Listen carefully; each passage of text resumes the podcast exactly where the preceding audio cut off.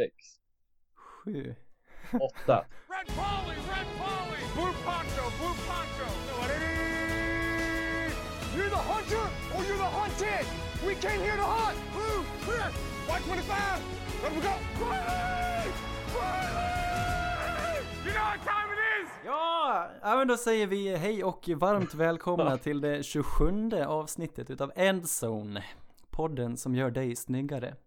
Eh, mitt namn är Anders Engström och med mig via satellit har jag David Andersson. Hallå David! Hallå, hallå. Jag har ju bytt ut min, eller jag har inte tillgång till min gamla mikrofon så jag låter lite som en så här utrikeskorrespondent över en riktigt dålig telefonlur. Men eh, jag är jävligt taggad på att göra även ett avsnitt idag.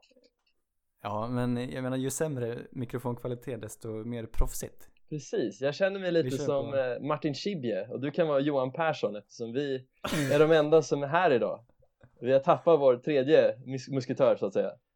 Exakt, Erik är alltså i Alperna och äter ost. Precis. Men eh, jag tror vi kan ro i hem det här ändå, eller hur? Ja, det kommer gå skitbra. Ja, vi, vi har ju varit på bandy du och jag. Mm, precis. Fan, det Har första... Du, kan, det, Vad sa du för någonting?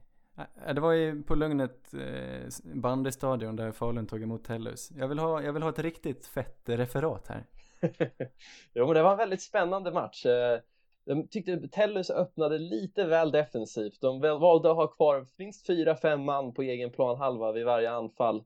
Lite slarviga rutter och satsade mest på kontringar. BS däremot spelade lite mer samlat och mer eh, koherent spel och jag tyckte de satsade lite mer men när det väl ja, lite väl sent i andra halvlek så började de spela lite mer defensivt och det bet dem i, i ändan lite men sen mot slutet så gick BS hem med vinst 4-1 Ja, det var vackert. Vilken stämning det var. Mm. Eh, det var så härligt, det var perfekt bandyväder på något sätt. Det var relativt kallt, det var några minusgrader och det var mörkt och så strålkastarens ljus på den här orangea bandybollen mot den mörka himlen. Jag, jag, var, jag var lite så varm i själen när jag kom hem. Hur kände du? Precis, ja, det var lite, jag fick också feeling, det var riktigt mysigt att se hoppbackarna där i horisonten också och sen inte- fick ju vi verkligen den här hela BS-upplevelsen med att vi råkade hamna i hemmaklacken Det var oväntat Ja, vilken klack.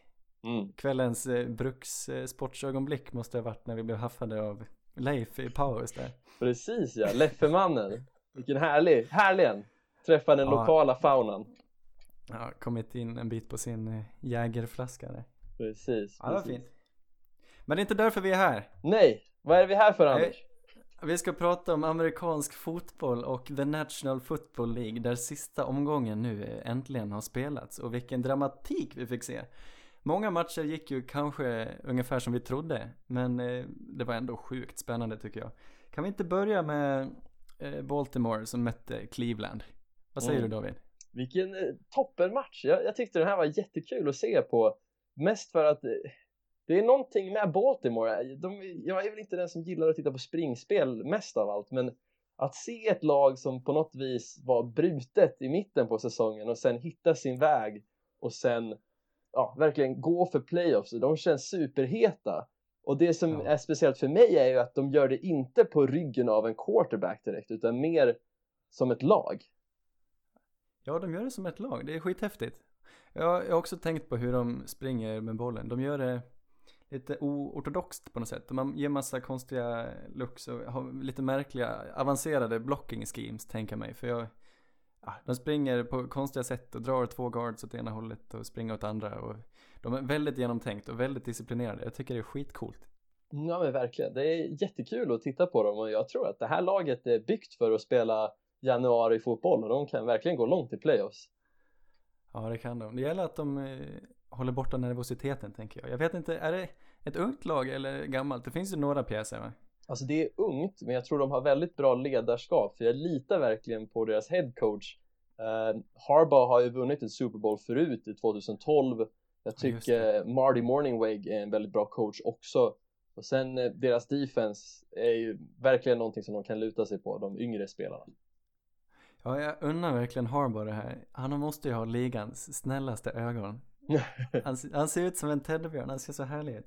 Ja, jag gillar han verkligen. Han var riktigt eh, den bästa så här, eller det senaste det varmaste minnet jag har, har av han är verkligen kanske förra Super Bowl när han var på uh, analytiker, på, vad heter det, analytiker skrivbordet panelen analytikerpanelen uh, på förra Super Bowl han var riktigt duktig på sin analys, han var riktigt kul att lyssna på Ja, nej det var bra att han fick stanna och han får ju förmodligen stanna nästa år också. Det är mm. han värd. Precis. Men vilken eh, match. Browns bjöd ju verkligen upp till kamp. Det var en ja. riktig dust där. Men Precis. avgörandet fälldes liksom av, det var sista driven, de sprang, eh, eller Ravens, de rusade med alla. Och satte pressure direkt och Baker försökte och försökte och lyckades nästan. Men då kommer Mosley med avgörandet. Han eh, deflektade en boll och hoppade på den. Ja, det var snyggt. Mm. Det var spännande. Jag trodde faktiskt inte att Browns skulle ta ikapp när det gick in till halvlek. För det kändes som Ravens hade så pass bra koll på vad Browns ville göra och de kunde verkligen diktera hur de ville styra sitt anfall. Men Browns kom tillbaks. Baker ser ju, går ju från klarhet mm. till klarhet och det är inte omöjligt att han blir Offensive Rookie of the Year i år. Nej, det är nästan så att han eh, sitter som favorit. Ja, det där det är svårt. Men han, jag skulle inte bli ledsen om han vann det. det var, nu tog han också rekordet för flest touchdowns i en rookie-säsong av en quarterback någonsin. Oh, wow. Ja, han tangerade och slog det eh, senare i matchen. Ja, det var snyggt. Mm. Ja, vad häftigt. Ja, så, eh, så vad heter de? Ravens, till skillnad från förra året när de i slutminuten tappade sin slutspelsplats så lyckades de clincha det här året. Och det, det kan vi unna dem, eller hur? och speciellt att se Steelers åka ut var extra gott för mig. Det känns som, det här var lite av ett maktskifte för Steelers, det känns som de blir bara skakigare och skakigare. Vi, vi kommer kanske inte prata så mycket om dem men att se Ravens verkligen uh, ta över, det, det, känns fräscht på något vis. Det är spännande. Det finns ingen sid i playoffs av de här femte sjätte sidan på båda konferenserna som jag inte är taggad på att se. Alla har verkligen en unik story som ska bli spännande att se. Mm. Ja, jag gillar det. Eh, vi tar nästa spännande match som var. Det var alltså Dolphins mot Bills. oh, spännande. Nej, det var inte... Jag, jag skämtar lite med dig.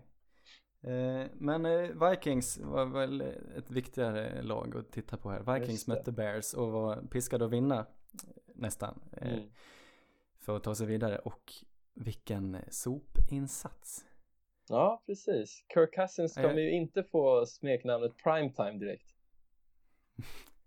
Nej, men ja, han, eh, vi kan inte lämna honom och inte skylla någonting på honom. Men hela laget, vad, vad är det för insats? Försvaret som har, ja, de har kanske inte levt upp och spelat exakt lika dominant som de spelade förra året. Men de har ändå liksom varit väldigt klatsch det här året. Men den här matchen, de, Chicago sprang igenom dem på något mm. sätt. Ja, men de gjorde verkligen en platt match. Man hade förväntat sig väldigt mycket mer. Och och se Kirk Cousins och Adam Thielen bråka på sidlinjen efter en, ännu en misslyckad drive. Det, det kändes som det summerade säsongen ganska bra. Ja men precis, jag köper ju att Vikings förlorar Men jag köper inte att de förlorar på det här sättet Och Kirk Cousins, han såg så Man såg i ögonen på honom eh, Att han var, han på något sätt mm. Han må, mådde inte riktigt bra i den här situationen Han är inte den ledaren eh, men det var inte någon i laget. Jag vet inte vem man ska skylla på för de hade liksom inte drivet. Nej men verkligen. Alltså det är jättekonstigt men det är många som kommer kritisera att man betalade för Kirk med alla de här pengarna och så får man en sån här insats när de inte ens kommer till playoffs. Men oh. jag vet det är jättesvårt att säga. Det känns som det var så pass mycket förändringar det här året som de inte föruts förväntade sig skulle ha så stor effekt. Jag tror att Shermer lämna, lämnade eh, Minnesota var en väldigt, väldigt stor grej som de aldrig riktigt återhämtade sig från. Mm. Nej, men det stämmer nog. Eh, och nu har de ju ingen, eh, vad heter det, permanent playcaller. De letar väl fortfarande efter en offensive coordinator, eller? Precis, ja, jag vet inte, det beror på lite vilket intryck de har fått av Stefanski nu. Eh, han har väl varit eh, OC i tre veckor. Och det här var ju egentligen Simmers eh, originalplan innan hela Di Filippo-hypen kom upp med Eagles Super Bowl. Och ja, jag vet faktiskt inte riktigt hur vi ska tolka det här. Han gjorde ju två riktigt bra matcher, men att sen inte kunna prestera när det väl gäller, det kanske lämnar en liten bitter smak i Simmers mun när han väl ska ta ett beslut senare. Mm. Hur mycket i, i skuld eh, sitter Simmer på? Alltså, han måste ju ändå vara en av de som ska hypa upp laget och få dem att prestera. Men han, han är väldigt, han är lätt att tycka om, han känns ganska liksom avslappnad och sådär. Men man önskar lite mer, lite mer driv, lite krig från honom. Ja, men faktiskt. Han har ju ändå haft väldigt gott rykte om att vara en bra coach, men det känns som både han och den här franchisen är lite, har en förbannelse över sig med att det aldrig, det klickar aldrig liksom. Antingen är det missade field goals eller så är det ett springspel som aldrig kommer igång. Jag, jag vet inte. Eh, det, är synd, men på något vis så kommer ju ändå några fingrar pekas mot Simre även här. Ja, det tror jag verkligen. Eh, det, detta betyder alltså att Minnesota missar slutspel i år. De har inte, de har inte varit sig själva sedan Minnesota Miracle. Jag, jag tror att det, det är nog där felet sitter. Det skulle aldrig ha skett. Precis. All tur de hade för kommande säsong försvann med det spelet. Ja, jag tror verkligen det. Det är voodoo här för att hämnas. eh, men istället för Minnesota så går ju Eagles vidare. Jag vill eh, att du pratar lite om den matchen. Eagles tvålar till Redskins rejält. Jag ja, vet inte om Redskins eh, ville vara med. Mm. Ja, det här var ju egentligen ingen riktigt superspännande match för Redskins är ju verkligen brutna. Uh, Eagles gjorde lite vad de ville mot Redskins känns det som. Foles gjorde en okej okay match, en jätte, jättedålig pick. Men sen, det som var varmt för mig var ju att se att när Foles skadar sig så går Nate Sudfeld in, deras tredje QB, och gör en minst ja. lika bra match. Det var jättekul att se och jag har ju verkligen mitt hjärta har ju klappat lite extra för Eagles i år just på grund av vad som hände förra året och att det var det första laget som verkligen tvålade till eh, Patriots och sen se dem göra den här uh, uppsvingen på slutet och sen ta sig in. Det ska bli spännande att se vad som händer med Eagles och jag är en av deras största fans.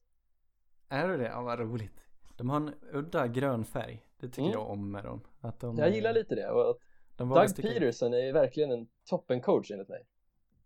Ja, och, och som man har vänt den här säsongen och så får de spela slutspel. Man blir ju lite skakig, man blir lite rädd. eh, vi pratade mycket om Nick Foles förra avsnittet, att han är, han är så konstig. Eller han är inte som någon annan, han är, dyker upp och kan spela de sjukaste matcherna när det gäller som mest. Ja, men eh, tror du det här är hans år? Ska han vinna en till Super Bowl? Det tror inte jag. Nej. Jag vet inte, det beror på. De är inte samma lag, de är inte riktigt samma lag. Nej, de saknar ju verkligen den här dimensionen i springspelet, men samtidigt de ser väldigt farliga ut i kastspelet. Det är så många vapen och pjäser där och Nick Foles, när han är het så är han elektrisk i passspelet och det såg vi i Super Bowl, så jag vet inte. Det finns ja. lite magi, men frågan om det förra räcker. Förra säsongen, de var ju väldigt dominanta, både O-line-spelet och eh, D-line-spelet förra året var ju skitbra. De, de verkar hitta form i år igen, eller? Ja, D-line steppar ju verkligen upp den här matchen och eller de senaste veckorna då, blivit verkligen otroliga. Från att vara bra till att bli otroliga är otroligt viktigt för Eagles, för de måste mm. kunna mm. styra hur markspelet går och det gör de genom sin D-line och sin O-line. O-line har jag inte lika mycket koll på. Nej, de har åtminstone Jason Kelsey där, deras center, han är härlig. Mm. Efter hans brandtal efter Super Bowl-vinsten. Han spelar på topp alltså, han är riktigt duktig. Mm. Ja, det är kul. Han har, visst han, han är brorsa till han i Chiefs? Precis, han är brorsa till Travis och det, det är lite annorlunda. Man, man tänker ju så att brorsor borde ändå ha lite liknande positioner, men center och tight end, det är, det är ändå en skillnad i kroppsbyggnad känner jag. Ja, ja vilka, ja, det är ändå bra gener då som har lyckats eh, ta fram två killar som spelar på helt olika positioner. Vilken familj. Precis. Du, eh, det betyder alltså att Eagles ska vidare. Men eh, den sjuka matchen, den som avgjorde allt var ju Indianapolis som mötte Titans i en match eh, som avgjorde vem av dem som skulle gå till slutspel. Och det blev Indianapolis, inte helt oväntat tycker jag, men din påsmatch var ju åt andra hållet. Vad tycker du om Titans utförande här? Jag tyckte det var en riktigt kul match. Det var underskattat när man såg resultatet tänkte man ja men Titans la sig säkert platta och så gjorde de några matcher, eller några poäng i garbage time, men det här var en jämn match. De låg, låg alltid typ en score efter och det var väldigt ja. kul att se Luck mot uh, Titans försvar. Det var en väldigt kul matchup att se. Ja, det var en snygg, eh, bra match av Luck. Han kastar interceptions men han gör också, uh, han är ju bländande bra på, på andra saker. Uh, och Titans hade ju inte, nu hade de inte Mariota, de körde med den mustaschprydde Blaine Gabbert som, ja de hade behövt Mariota får jag säga. Mm, precis, de lät eh, inte Gabbert Indy ju... riktigt mycket heller. De spelade väldigt konservativt med han. Ja, Indy hade det, de var det bättre anfallet men det blev en del turnovers som gynnade Titans. Eh, och som de kapitulerade på men sen i slutändan vill jag ändå hävda att Indy var det bättre laget. Och jag håller helt med. Det har varit på något vis så kände jag ändå att Titans var väldigt spännande och det, det klappade extra för mig bara för att de har ju inget, precis som Baltimore, en riktig franchise QB vid ratten och se ett lag som är bra på grund av att de har så pass många pjäser tillsammans som deras defense hade gjort då, men när de saknar sådana här riktigt viktiga pjäser som Jarrell Casey, Brian Ja. Orakpo och sen även Mariota, för han är ett steg upp från Gabbert trots att det kanske inte är jättehögt. De hade Ja, behövt verkligen. det. Men det här är, Ja. jag gillar Titans, det kanske är ett litet hjärtelag för mig. Ja, men jag tror de är nöjda med sin säsong. Eh, Det är klart de vill gå till slutspel, men de har, gjorde, de har lyft sig och det kan bara bli bättre tror jag. Precis. Det, dock måste det kännas lite surt. Jag tänkte på det här att både Buccaneers och Titans som för fem år sedan var det väl, de draftade eh, Ja. både James Winston och Marcus Mariota så går de in Var i det så en länge sedan? Eh, ingen är riktigt säker på om det här är vår framtid. Nej, just det. Nej, det har du rätt i. De, är, de är lite på samma nivå de två. Precis. Eh, Men eh, Indianapolis går alltså till slutspel och vilken Det har skett många vändningar den här säsongen men Indianapolis står ju för den främsta. De startade 1-5 och slutar på 10-6. De har vunnit 9 av deras 10 senaste matcherna och tar sig till playoff. Det var lite som vi någon av oss förutsade för ett tag sedan att Andrew Luck skulle vända skeppet och ta dem till playoffs. Ja just det. Ja, det är häftigt. Och nu blir de, eh, nu måste man ju anse att de är en av favoriterna att ta sig till Super Bowl, eller hur? Som de, alltså de, de spelar så proffsigt och så eh, Frank Reich har gjort något med det här laget som jag tror de, de kan utmana vem som helst. De kan slå vem som helst. Jag håller helt med. Det här är ett lag som ser bra ut på alla nivåer. Jag älskar både hur deras defense ser ut och hur deras offense ser ut. Det som jag är lite tveksam med är över hur deras eh, receivers kommer eh, kunna prestera mot en bra secondary men som tur för dem så finns det ingen riktigt bra secondary i IFC-sidan. Eh, om man inte räknar med Pats men de är ju på Precis. andra sidan av trädet så jag vet inte, det här är spännande. Colts är verkligen en Ja. kul storyline att följa inför playoffs. Ja, verkligen. Men nackskägget, Luck. Precis, han, han är så härlig att titta på när han firar över att få en offside och att han är så trevlig hela tiden. Han är ju verkligen en wholesome man så att säga. Det går inte annat än att heja på honom. Ja men precis, hela laget, de är omöjliga att inte tycka om. Nej, jag önskar dem eh, all framgång, eh, bara de håller sig på andra sidan.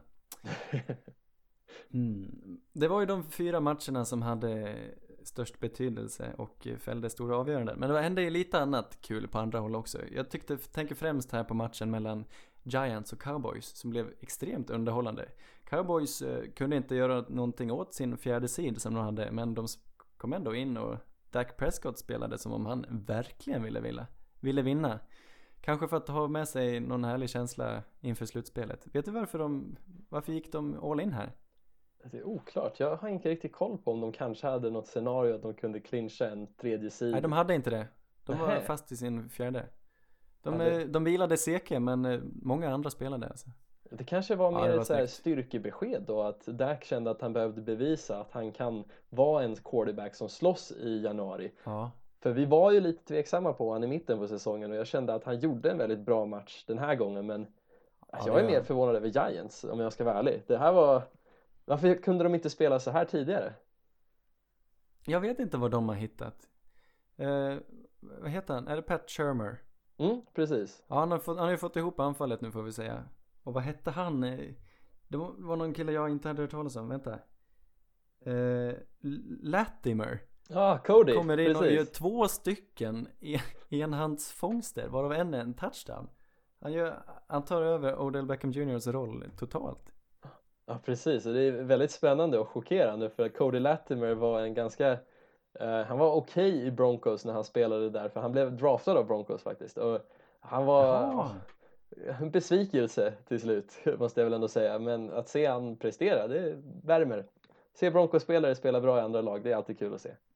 Ja, men det var så, my- en sån underhållande match. Det var så mycket individuella prestationer. Saquon Barkley gör en, han gör en slam dunk. Eller han hoppar ju, vilka lår, vilken spänst han har. Ja, han är helt sjuk.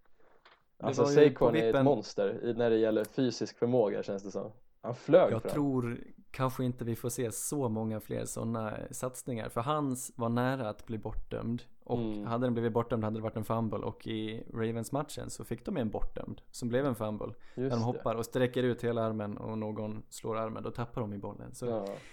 det, är, han är, det är sjukt vilken atlet, men han kanske ska vara lite försiktig ändå. Kanske Mm. inte hop- hoppa från 3-4 yards, kanske hoppa från en yard. ja, Nej, jag vet precis. inte. precis. Man sträcker bara fram om man är säker på att man kan få den. Men just det, han som stack ut i cowboys, Blake Jarwin, de har en tight end nu verkar det som. Han gjorde tre touchdowns. Ja, De tre gud, vilken touchdowns. prestation. Nej, det är märkligt. Jag får ge en eloge till Dak Prescott också. Han, är, han äter ju burksoppa, har du sett det? Ja, Campbells. Han är hans, vad heter det? Ja, hans favoritreklam helt enkelt. Ja, han, han verkar liksom, han är ju den perfekta reklampålen där. Han har Ja. sånt härligt leende. Det är så oklar reklam, alltså det är så oklar Alltså jag hade ju inte tänkt på Campbell Soup som den första grejen jag ville göra reklam för men fan Cred till Dak Det blir mycket soppa nu verkligen. inför playoffs Ja, jag tror det. Nej, han, eh, han, han börjar vinna över mig mer och mer. Jag tror kanske inte att han eh, kom, jag tror Cowboys kommer förlora sin wildcard-match, men ja, han har gjort det bra de här sista matcherna. Vi får se, det är väldigt spännande att följa honom. Han är en kul quarterback att titta på. Helt klart, helt klart Hmm. Eh, någon annan match som var lite kul då? Ja, vad heter det? På Lambeau Field, Detroit går dit och sopar banan med Packers som inte, de har gett upp, de ställer inte ens upp, de blir nollade. Ja precis, Eh, men som sagt det här både Jones och Aaron Rodgers försvann i första kvarten tror jag eh, och kom aldrig tillbaks till matchen och då, då hände ju det här för Deshaun Kaiser är inte en superbra quarterback skulle jag vilja påstå och ja, jag, jag vet Nej. inte det här, det även att de gör noll poäng är så en förnedring helt enkelt Ja, men just på, på hemmaplan också. Det här Mm. var första gången sedan typ 96 som Lions eh, gör en shutout. oj, Det är Oj, helt oj, oj. Det är första gången sedan 90-talet som Lions nollar någon. Åh, Och herregud prestationen, kvällens prestation är ju Matt Prater. Deras kicker som eh, får göra en touchdown. Men det var, ju, det var ju knappt att de försökte luras för det var helt uppenbart vad han skulle göra. Han stod med händerna beredda som att han skulle ta snappen. Men Green Bay, de gick på den ändå. Och han och Pat McAfee som satt i kommentatorsbåset och gjorde, jag tror han fick referera sin första match. Han är någon omtyckt gammal punter va? Precis, spelade för Indianapolis Colts Ja, han gick i taket. Han var så eh, exalterad. Ja, Det var roligt att se. Kul för Prater. Han är ju en legendar där. Men han har väl NFL-rekordet för den längsta kicken också. Precis, precis. Han är Han var ju en gammal Broncos-spelare även där. det är Nämen! orimligt att jag har koll på så många gamla Broncos-spelare men ja, Matt Prater, han är riktigt duktig kicker måste jag ändå säga. Och det Varför måste fick ju han vara inte spela kvar där? uh, penga saker tror jag. Nej, just det.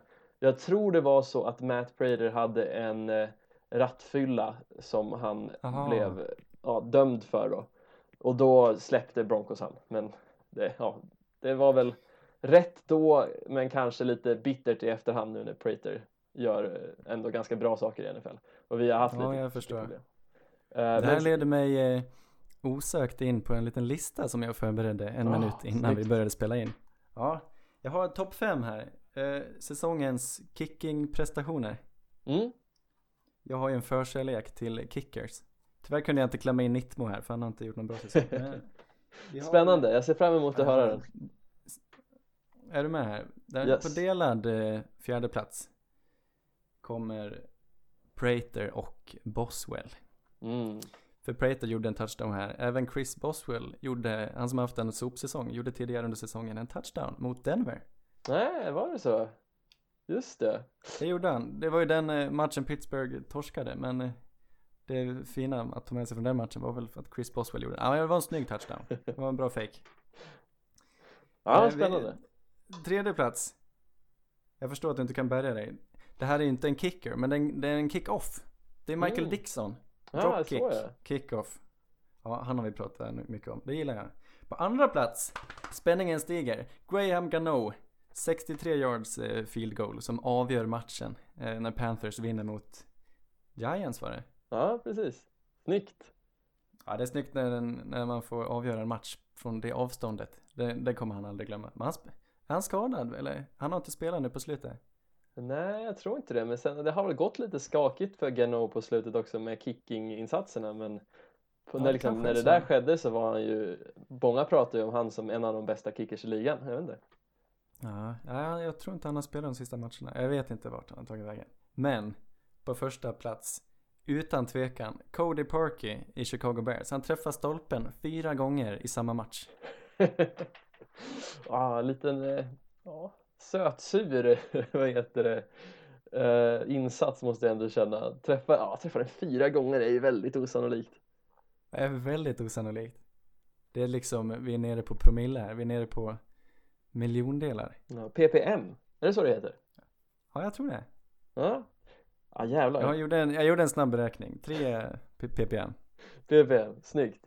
Eh, jag skulle vilja ska lyfta fram några namn bara så här nu i slutet också kanske då i så fall. Duktiga kickers. Ja, Ja, uh, Aldrich Rosas tyckte jag gjorde en supersäsong. och, det. eh, ja, det är väl egentligen bara det namnet. Jag tänkte Greg Sayerline också, men det känns som så många vet att Rams har väldigt duktiga special teams. Så, men Just Aldrich det. Rosas i alla fall. Sosas i Giants va? Precis, precis. Hade inte Erik någon kille, vad hette han som spelade i Jets? Nu minns inte jag vad han heter. Han har också haft en Badgley? väldigt bra säsong. Är det Nej, Badgley? Badgley är Chargers. Just det, okej. Eh, men kickern i Jets har också haft en väldigt bra säsong. Jag har ingen aning. Och min eh, favorit, hawaiianen, Fairbairn får vi inte Just glömma. det, Kaimi. Eh, en annan kul match. Eh, får vi väl säga. Ja, jag tänkte så här. I Kansas City. Eh, de vann ju ganska bekvämt mot Oakland. Eh, hände inte så mycket. Mer än att Travis Kelce tar rekordet för flest yards. Eh, flest receiving yards för en tight end under en säsong. Men typ ett par timmar senare så tar Kitten hem samma rekord i matchen, i San Franciscos match mot, eh, mot Rams. Eh, 49ers förlorar matchen, men George Kittle, vilken säsong han har gjort. Vilken makalös säsong. Mm, Han är bra insats. på allt. Ja, han är ju inte bara ett offensivt vapen. Han är riktigt duktig på att blocka eh, under runs också. Han är, vilken, ja, vilken karriär han kommer ha. Mm, precis, det ska bli spännande att rätt- se. Eh, han har väl varit en central del i Niners gameplan. Och jag menar, Kit, alltså, om vi tänker Kelsey så är ju han en jätteviktig del också. Förmodligen central där också, men det känns som Mahomes har ändå försökt sprida ut bollen mer, men sett Kelsey som ett säkerhetsalternativ. Jag har inte sett så mycket på Niners för att veta riktigt hur de använt Kittel. Men det går ju inte att förneka att han har gjort en supersäsong. Och det ska bli spännande att se hur han presterar med Garoppolo i framtiden. Ja, ja det är häftigt. Ja, ja, det var väl de matcherna. Vi kommer tillbaka till och diskutera lite om, om framtiden och slutspelet, vad vi tror. Men först ska jag ge dig eh, pinnen här. Vi ska prata lite om tränare, för det var den svarta måndagen igår och sex stycken headcoaches har fått sparken bara igår. Åtta totalt efter den här säsongen. Det är Precis. rätt sjukt. Ja, det var ju lite många situationer som borde hänt tidigare känner jag nu spontant på förhand. Men eh, jag tänker vi, vi går igenom dem och så, så droppar vi lite vad vi känner och tycker om det. Eh, Ja, tycker jag. och jag tycker vi börjar med Steve Sarkisian som var offensive coordinator i Atlanta Falcons. Ja, just Eh, det. Och det här var ju enligt mig kanske Ja, jag vet inte, jag tyckte det var bra att han fick två år för han tog ju över direkt efter Kyle Shanahan blev anställd som head coach i Niners. Men anfallet var aldrig riktigt sig själv efter att Shanahan lämnade. Det såg bättre ut det här året men efter en misslyckad säsong så väljer Falcons att gå vidare. Ja, folk skrek ju fullkomligen efter hans huvud i början av säsongen. Och sen blev de lite lugna när Falcons höll på att- ta igen och vinna flera matcher. Men de verkar inte ha varit nöjda med honom trots allt då. Ja, jag Nej. förstår att han får gå.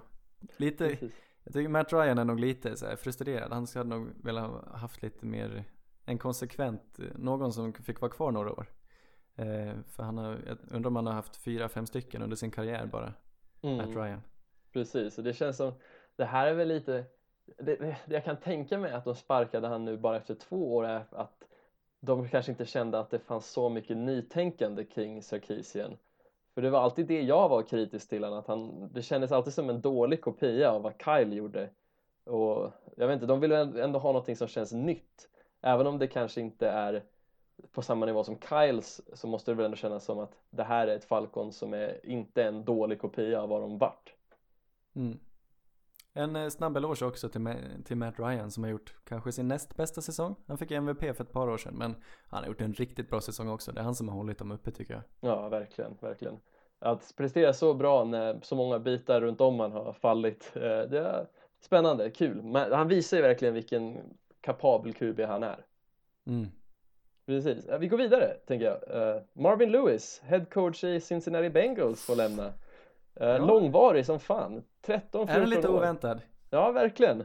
Man trodde ju inte att det här skulle ske med tanke på att eh, Browns-familjen som äger Bengals brukar inte vilja göra så mycket ändringar. Men nu sker det. Och han är ju ökänd för väldigt dålig prestation i slutspelet. Att man brukar alltid Mm. torska första matchen. Eh, och jag vet inte, det känns som det är lite på tiden för det behövs lite ny luft i det laget. eller vad känner du Anders? Ja, alltså jag förstår eh, med tanke på att han har varit där så länge bara att det är väl dags att lämna plats åt någon ny. Jag vet inte om han fick kicken så eller om han själv kanske inte ville vara kvar längre. Jag vill ändå, jag vill inte skylla allt för mycket på honom. Jag tycker han är ju väldigt duktig. Jag tror han är rätt duktig med spelarna och han är bra på att hitta talang. Det, jag vet inte hur mycket han har att säga när de draftar men Bengals den organisationen är ingen man helst skulle vilja vara i tror jag. Och en eloge till honom som ändå har varit där så länge och jag tror han har hållit dem lite uppe över ytan också. De har haft, de har haft några väldigt bra säsonger och jag, ja, jag, jag vill inte ge honom för mycket skit. Jag, det är bra att han går kanske så att de får en ny start men jag tycker ändå att han är inte det största problemet i Cincinnati. Nej, verkligen. Alltså Marvin Lewis om något ska man ändå säga är otroligt duktig på att utveckla talang enligt mig. Mm. Jag menar, vi har ju sett ett steg framåt för många spelare i Bengals i år bara. Jag menar, Mixon har ju verkligen tagit steget fram och bli en stjärna. Och många andra, Tyler Boyd. Så det är inte så att Marvin Lewis är dålig, men det är nog mer att Cincinnati har haft förhoppningar om att nå playoffs och gå långt i playoffs länge. Och då kanske Marvin Lewis inte är rätt person, men samtidigt så känns det som det är dålig, då, lite dåligt tidfälle, för det är inte samma Bengals-lag som gick till playoffs varje år längre. Nej, jag tycker han, han skulle kunna få ett tränarjobb någon annanstans. Han kanske inte ska ta ansvar för playcalling. Eh, men kanske ett tränarjobb eller ett jobb som general manager eller någonting. Han är ju väldigt kompetent. Han är bra på det han gör. Absolut, absolut. Det ska bli kul att se vart han hamnar. Yes. Eh, vi går vidare. Eh, Adam Gase, head coach i Miami Dolphins, Oj. får lämna. Och enligt mig är ju det här den största skrällen och ja, jag är inte positiv till den. Ja, han var head coach i tre år ungefär. Under den här Ja. tiden så gick Dolphins till playoffs ett år, sen var Tannehill skadad ett år och sen i år så var Dolphins, ja de var väl lite det man trodde att de skulle vara men samtidigt var det mycket spännande och positiva grejer med Dolphins. Men de avslutar här, vad känner du? Ja, oväntat. Jag har, jag är lite för dåligt insatt i organisationen och situationen. För jag menar, det sägs ju nu att vissa spelare inte alls tyckte om honom. Och jag vet inte om det är befogat. Men han verkar ganska hård. Jag tror han gärna vill ha mycket disciplin i laget. Och till exempel Jarvis Landry var ju ganska öppen med att han var nöjd. Han var glad att få komma ifrån laget. Och Jay Ajayi försvann ju där också. Men samtidigt, jag tror inte Adam Gaze är anledningen till att de inte presterar så bra. Eller? Nej, tvärtom. Jag tycker nästan de har presterat bra, bättre än förväntat på grund av Adam, Adam Gase. För jag tycker inte Ja. den bästa talangen finns i Miami. Men på något vis så kan de liksom prestera över den nivån man förväntar sig. Och jag vet inte om man ska säga vem man ska attribuera det till, men jag gör det till Gase. Ja, den kritiken han har fått är väl att han, det verkar som att han tydligt favoriserar vissa spelare och ratar andra. Mm. Han har inte gett Kenyan Drake så mycket utrymme som eh, man kanske hade kunnat tänka sig att Kenyan Drake ska få. Eh, Nej, precis. Men de verkar vara besvikna och de har ju inte visat någon riktig glöd. Speciellt när de tappar säsongen. De, de här sista matcherna. Det har, inte varit, det har inte varit mycket att hänga i granen. Och de har inte vunnit. De vinner ingen match med mer än eh, en score. Oj. Så de har vunnit rätt. De har vunnit ändå sju matcher tror jag. Men inget var, ingen vinst var särskilt övertygande. Jag tror. Åh, det är ju ingen kul situation för Dolphins att hamna i. För nu är det ju åtta lag som behöver en ny. Mm. Och Dolphins är väl inte det mest attraktiva läget att hamna i om man letar jobb som headcoach. Nej, verkligen inte. Det, det är också en väldigt finns ju- mager marknad för tränare så jag, det här Ja. kan bli då, sluta dåligt för många lag. Ja, precis. Och många lag som ändå, de har ju hittat sina quarterbacks nu. Många lag som inte hade bra quarterback innan. Eller de har hittat någon i draften. Och Miami är ett lag som desperat suktar efter en ny quarterback. Och det är alltid lite tungt att hamna i ett sånt läge tror jag. Mm, precis. Och det, jag tycker liksom det känns som på något, någon gång borde det ta slut med det här hungrande efter quarterbacks men det, även i år så är det liksom två, tre lag i topp 10 som pickar som är QB-hungriga så det, det blir extra svårt för Dolphins då. Ja, nej, Dolphins, de måste i alla fall försöka gå vidare från Tannehill tror jag. Han är ju inte, han är, han är en av de sämre startarna. Absolut, absolut. Jag ser gärna att de går vidare men då gäller det att de hittar rätt person. Ja. Yes, vi går vidare. Eh, Vance Joseph, head coach i Broncos. Ja, nu är det officiellt. Ja, precis. Det här var ju en enorm vattendelare inom Broncos-fans när att vattnet delades i antingen vänster eller höger. Det vänster var, är det QB'n som suger eller är det coachen som suger? Och jag har länge varit på högerfloden med att det är Vance Joseph som är problemet. Eh, Case är okej, men han är inget märkvärdigt. Men Vance har ständigt stått för dåligt förberedda lag, tveksamma challenges, förundransvärd tidsförvaltning och allmänt märkliga beslut under matchtid. Och jag, jag är jävligt positiv till att det här är över, den här upplevelsen. Ja. Nej, jag, jag, jag förstår dig. Han är, inte, han är inte den som är hatad av spelarna direkt va? Han är ganska trevlig, eller hur är det? Ja, han är väldigt omtyckt faktiskt, men på något Ja. vis så känns det som han kanske är för trevlig. Eh, han kanske känns bara för ung för att vara... Han har inte hittat den här balansen med att ja, verkligen vara en tränare och vara en vän. Var kom han från? Vad hade han för jobb innan? Var Han var DC någonstans? i Miami Dolphins och stod för ett, All ett av de right. fem sämsta försvaren. Ja, okej. Då kanske han, nej. Jag tänkte då kanske han får ett DC-jobb någonstans då, men någonstans lär han hamna. Det är ju inte så att om du förlorar ett jobb att du aldrig kan hitta ett nytt. Det verkar som att samma gubbar hamnar på eh, samma positioner hela tiden. Precis, jag Har tror ändå han behöver in erfarenhet. Det ska behöva mycket till för att du aldrig ska få ett jobb igen. Precis, så länge precis. du är man. Ja, ja men Jag verkligen. inte. Jag menar Mike McCoy och vad heter han andra? Tom Cable, de har ju fått jobb i flera år trots att de borde varit ute ur ligan för jättelänge sedan. Ja, vad hände i, i New York då? I Jets?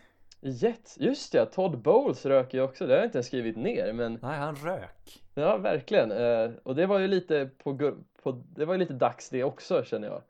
Eh, Ja, det var ju bara på resultat. Ja, jag vet. Men, Eller hur? ja vad säger du Anders?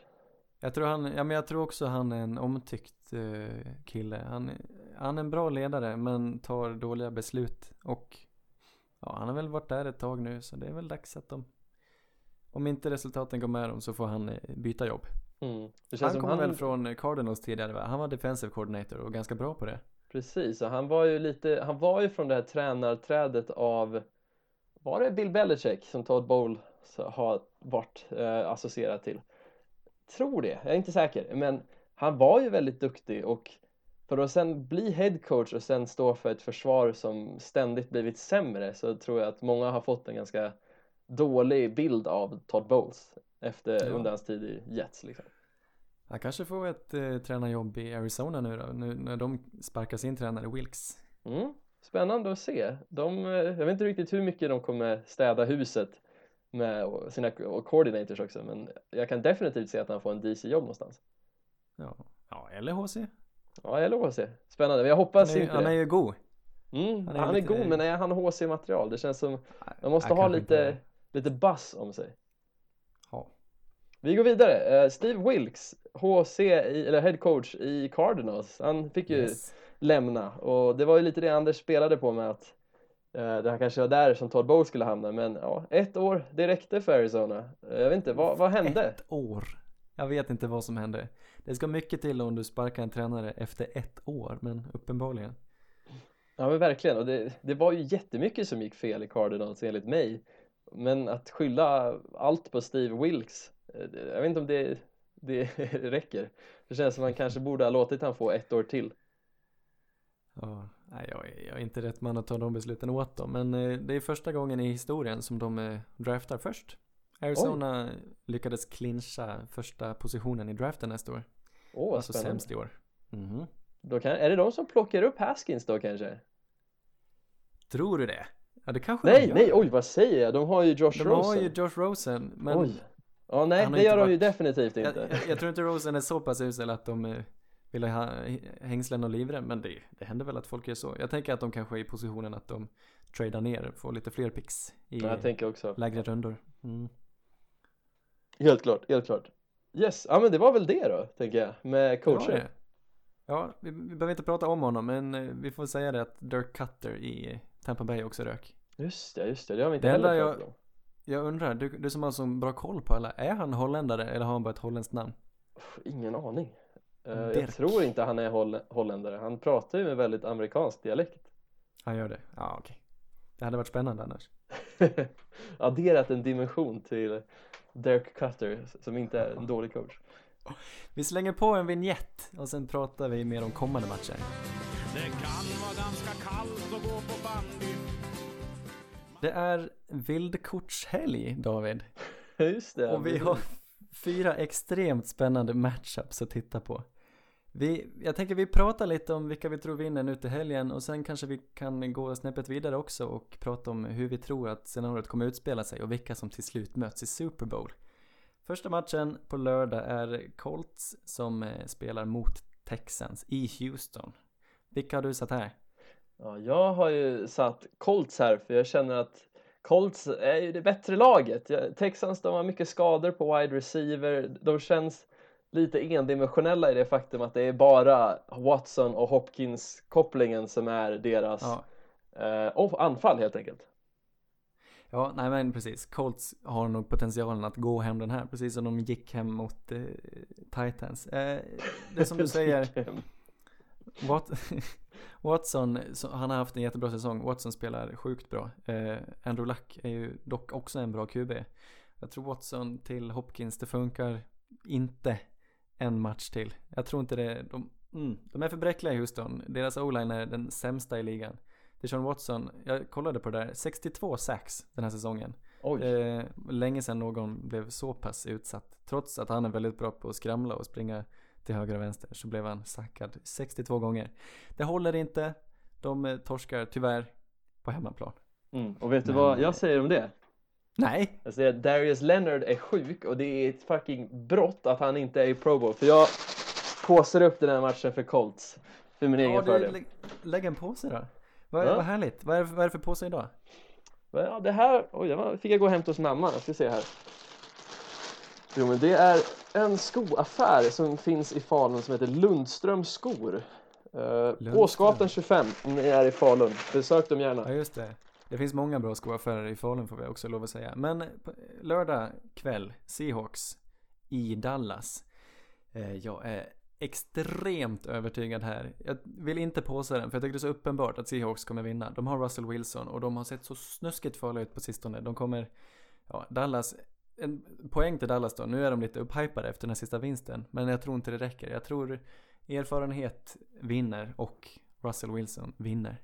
Jag håller helt med. Jag är på Seahawks-tåget, jag är med. Och det känns som lördagmatchen är lite med att vi måste få bort de här pretender-lagen i Texans och Cowboys så att vi får de här riktigt Ja. spännande lagen i playoffs. Ja. Nej men där är vi överens då. Men eh, söndag eh, i Baltimore nu då. Chargers. Det blir en rematch. De möttes för ett par veckor sedan bara då Baltimore vann.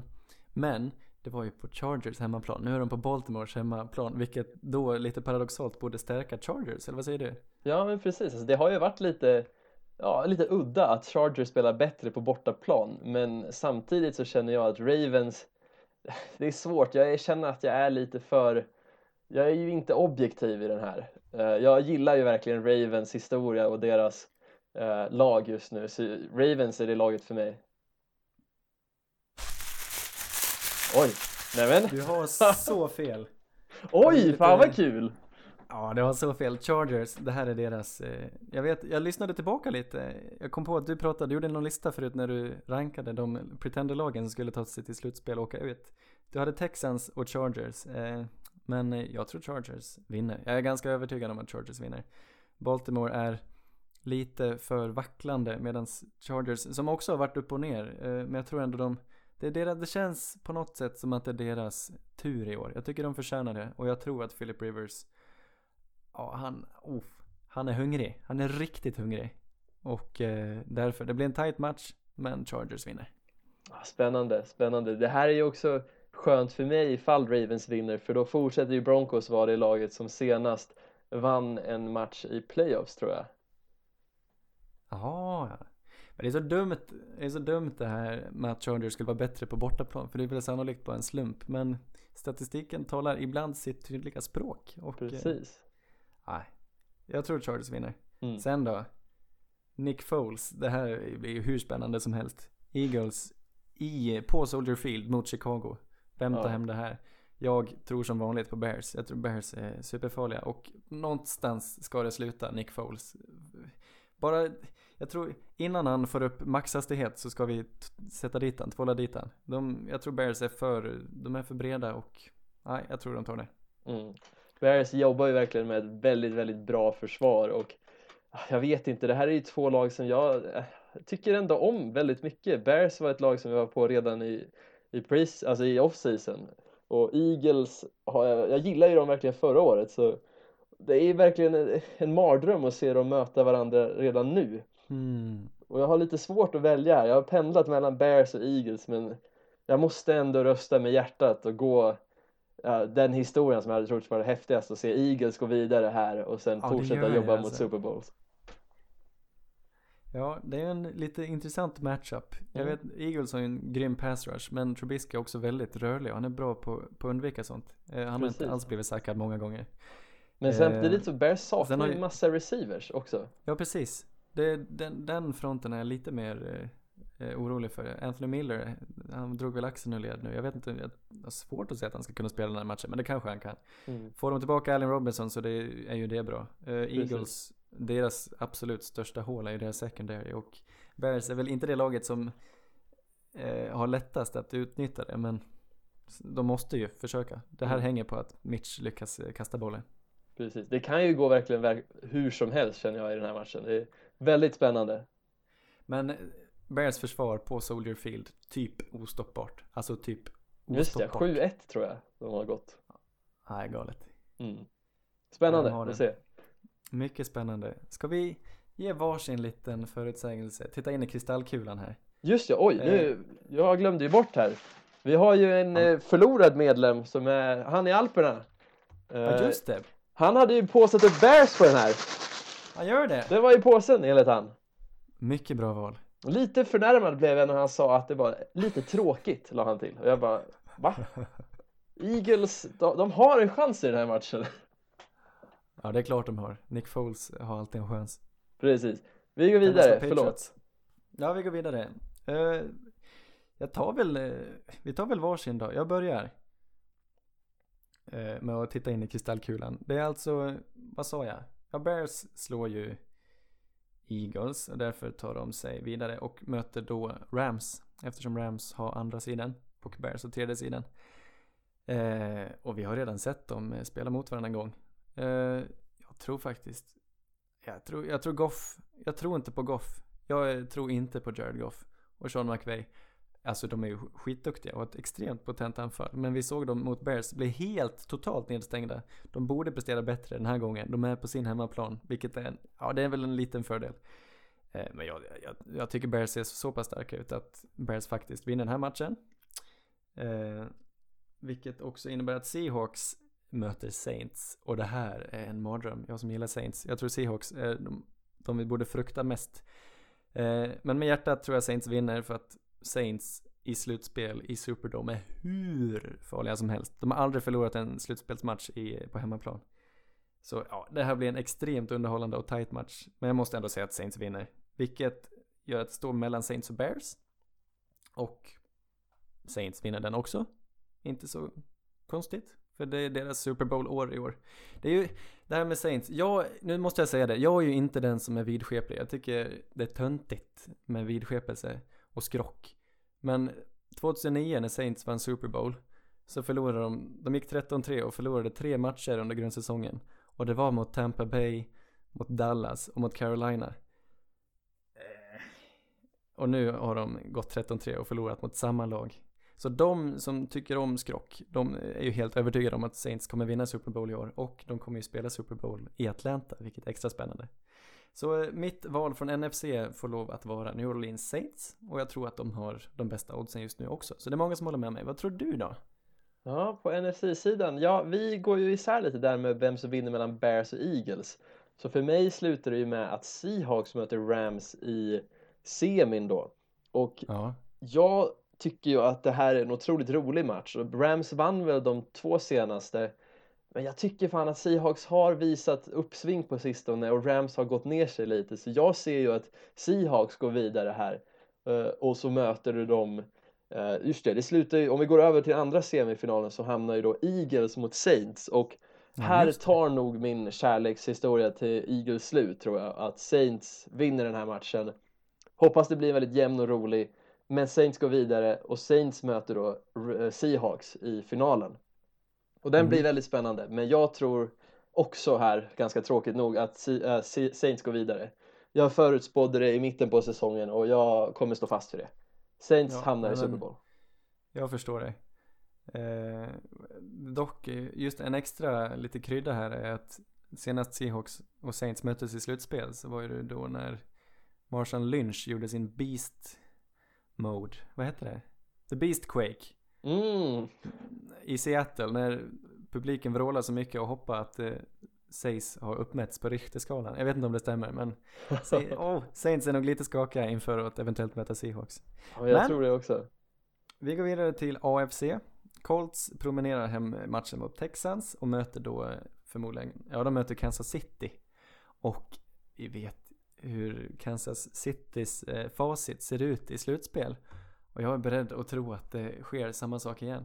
Det här är ju en potentiellt fantastisk match, men eh, jag tror Colts, Colts har ett starkare försvar än Kansas City. Jag vet inte om Kansas, eh, om Chiefs har liksom eh, hittat något bra recept där. Och det kan bli en riktig shootout. Pat Mahomes är ju, han är ju en joker. Vi vet inte vad han har för, han verkar ju vara stencool och han verkar inte ha några nerver. Så det, det är absolut kanske, ja det är svårt att säga. Jag tror ändå Colts vinner. Eh, men eh, då blir det alltså Chargers mot Patriots i den andra matchen. Och där tar det tyvärr slut. Patriots, de har inte haft, de har ju inte haft sin bästa säsong men de har ändå knipit andra sidan och spelar på hemmaplan. Och vinner, ja, ganska bekvämt mot Chargers. Tar sig vidare, möter alltså Colts i eh, the AFC Championship. Och tyvärr vinner Patriots där också. Det blir alltså Saints mot Patriots i Super Bowl. Oj, spännande scenario väldigt Ja, det blir ju verkligen ett slag för titaner känner jag med Breeze mot, Ma- Breeze mot Brady. Eh, Ja, det, är som, det är som gjort. ja jävlar. Breeze har, Breeze har slagit Peyton Manning en gång i Super Bowl. Nu ska han få slå Brady också och visa att han hör hemma där i diskussionen. Oj, ja, precis. Det blir spännande att lyssna på alla eh, folk komma med hot takes om att Breeze är bättre än Manning och kanske till och med bättre än Brady. Det är spännande att lyssna på. Eh, för mitt, mitt scenario dock känns lite Ja. mer, eh, jag vet inte om det är mer realistiskt om det bara känns, det känns mer David om man säger så. Eh, Ja. Jag tror ju också på promenadseger för Colts mot Texans Eh, och jag tror även, jag tror inte att Chargers går vidare utan jag tror ju att Baltimore går vidare där. Vilket slutar i att Colts möter Chiefs och där tror jag att det kan gå vilket som. Colts har väl lite mer komplett lag men samtidigt, alltså Chiefs, det de gör bra är de otroligt bra på. Ja. Eh, men jag säger, jag har aldrig, de senaste åren har det aldrig varit en Super Bowl där inte MVPn har varit med och jag tror verkligen att Patrick Mahomes tar det hem den i år. Han kommer vara den, den avgörande faktorn i den här matchen. Chiefs går vidare till AFC Conference Championship Game. Eh, på andra sidan så blir det Baltimore spela borta mot Patriots. Och här så förutspår jag den första skrällen måste jag säga. Baltimore tar den här. Baltimore har Va? länge varit en svaghet mot Patriots. Och jag tror att Baltimore tar den här och möter Chiefs i AFC Champion AFC Jösses. Conference Championship Game och där slutar Ravens eh, åktur. Chiefs möter Saints i Super Bowl. Aha. Ja. Nej, och där har jag såklart mitt lag Saints eh, som vinnare av Lombardi Trophy. Att få ta hem den i Atlanta. Det är liksom deras andra hemmaplan på något sätt. Det står skrivet. Vad säger du? Det finns så, det kan verkligen, jag är nog nöjd vilket som eftersom jag ändå är lite utomstående för att se den nya eran ta över med Mahomes och vinna Super Bowl eller att se liksom Breeze göra det en sista gång tänker jag. Ja, det hade varit jävligt spännande vilket som. Men jag ska väl vara lite en så här, vet du det, kontrarian och välja eh, Chiefs här då. Mest för att jag älskar att se Mahomes spela och jag hoppas på att han gör en supermatch även här. Och det hade ju varit, det hade varit helt sjukt om han var. Eh, Nej, Mahomes, spännande. Mahomes ja. Ja, precis. Vilken, vilken säsong han har gjort. Ja. Det ska vi säga då. Han kom upp i 5000 yards. Men det gjorde han och Ben Roethlisberger. Men han satte också 50 touchdowns. Det är, det är inte ofta detta händer. Nej, verkligen. Ja, vi får se varit, Mahomes och njuta. precis, han har varit Kansas Citys anfallare, den centrala pusselbiten. Och, ja, det ska bli spännande att se vad de faktiskt kan göra i playoffs nu. Ja, men det ni kan lita på efter att ha hört oss båda då är åtminstone att Saints tar sig till Super Bowl. Eh, en liten applåd på det och eh, det var väl allt vi hade för idag, eller? Ja, jag tror det. det får räcka. Ja, just det. Erik dig- hälsar gott nytt år och hoppas alla mår bra. Ja, hoppas han äter god ost. Mm. Eh, och har ni några kommentarer, funderingar eller lite klagomål så hör av er. Skriv ett mail. Jag, jag tänkte, det är säkert så att vi har massa mail nu eftersom ingen någonsin tittar på den här mailen. Så jag öppnade mailen. Det är ingen som har skrivit. Men eh, du, du kan bli den första. Eh, vi önskar er ett gott nytt 19 och säger puss med det. Ja, puss, hej!